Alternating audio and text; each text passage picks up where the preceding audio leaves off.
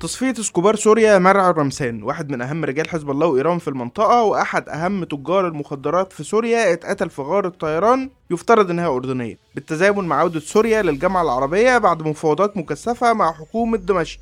كانت الكبتاجون واحد من أهم محاورها.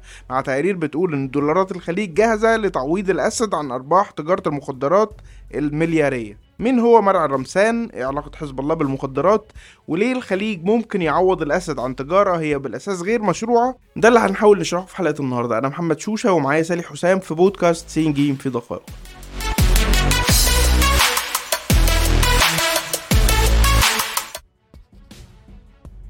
مين هو مرعي الرمثان؟ مرعي رمثان كان تاجر مخدرات سوري معروف بيتوصف بإسكوبار سوريا اتقتل في سن 45 سنة. هو كان من ريف السويداء الجنوبي على الحدود السورية مع الأردن وكان بيشتغل راعي وبعدين اتنقل لتجارة وتهريب المخدرات ومع بداية الحرب السورية وسع نشاطه وحول المنطقة لواحدة من قلاع تصنيع وتهريب الكابتاجون أكتر من مصدر بيربطه بحزب الله وإيران ورايترز بتقول إن هو جند المئات من عمال النقل البدو للانضمام لصفوف الميليشيات المرتبطة بإيران في جنوب سوريا طيب وإزاي حصلت عملية الاغتيال اللي بنتكلم عنها؟ بحسب اللي نقلته رايترز عن مصادر مخابراتية ومحلية أردنية فالأردن نفذ ضربات جوية نادرة على جنوب سوريا. استهدفت مصنع مخدرات مرتبط بإيران بالتزامن مع غارة تانية على بيت مرعي الرمسان بحسب مصادر سورية فالمصنع والبيت اتسووا بالأرض وكانت النتيجة إن هي مقتل المهرب ومعظم أفراد عائلته وهم جوه البيت. أما المصنع فمش معروف مين ممكن يكون مات جواه أو اتصاب جواه يعني. لكن بحسب المصادر المحلية السورية فده كان نقطة التقاء للمهربين المرتبطين ماليا وتنظيميا بحزب الله. طيب وهل مؤكد إن الأردن هو اللي شن الغارات دي؟ مصادر متعددة من كل المستويات بتأكد إنه الأردن. صحيح الجيش الأردني التزم الصمت لكن وزير الخارجية الأردني أيمن الصفدي لما اتسأل عن الموضوع رفض التأكيد أو النفي وقال بالنص عندما نتخذ أي خطوة لحماية أمننا القومي أو مواجهة أي تهديد سنعلن عن ذلك في الوقت المناسب. طيب طالما ما صدرش إعلان رسمي إيه اللي يخلينا نطمن للروايات اللي بتشاور للأردن باعتباره المصدر المؤكد لل- للغرض؟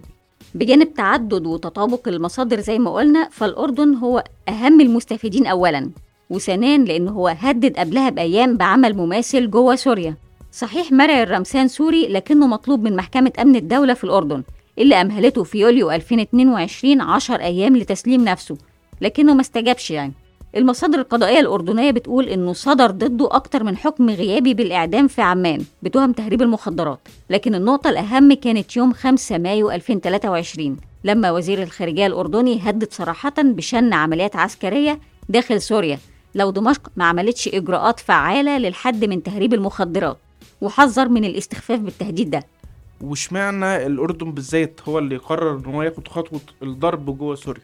هو الأردن جامع البلوتين هو وجهة نهائية لتسويق الكبتاجون.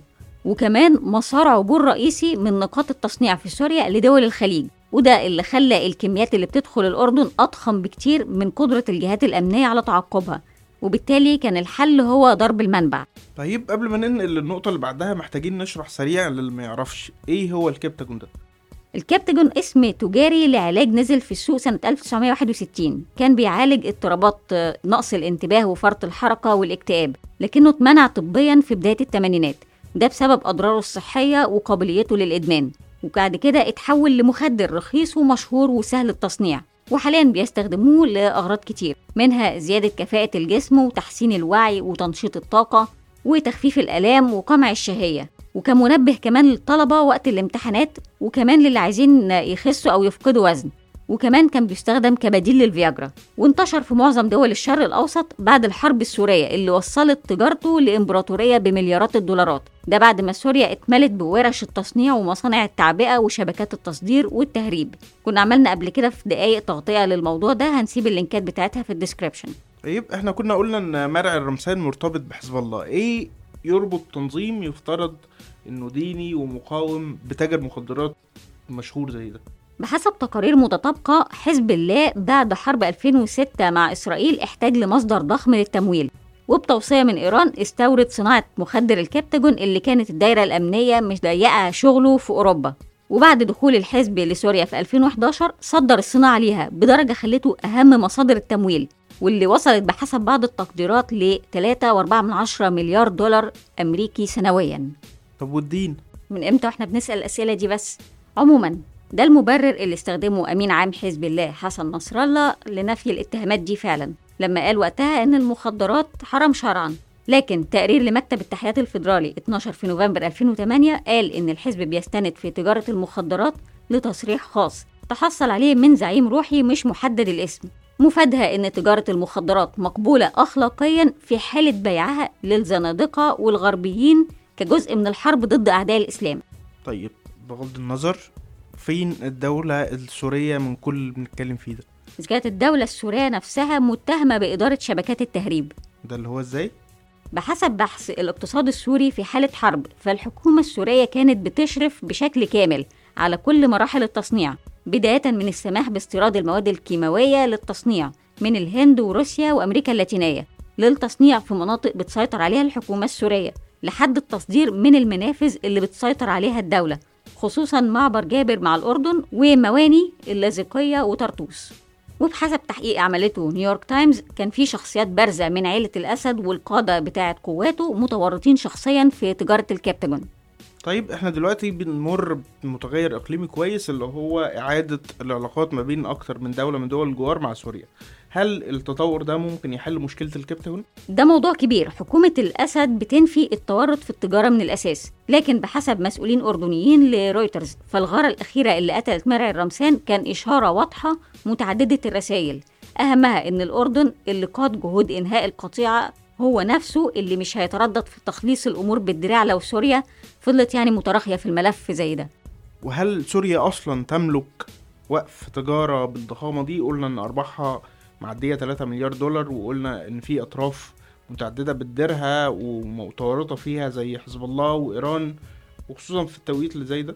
حسب مصادر رويترز فدي كانت واحدة من أهم النقط اللي حصل فيها تفاوض بين الوزراء بتوع الخارجية في المنطقة وسوريا.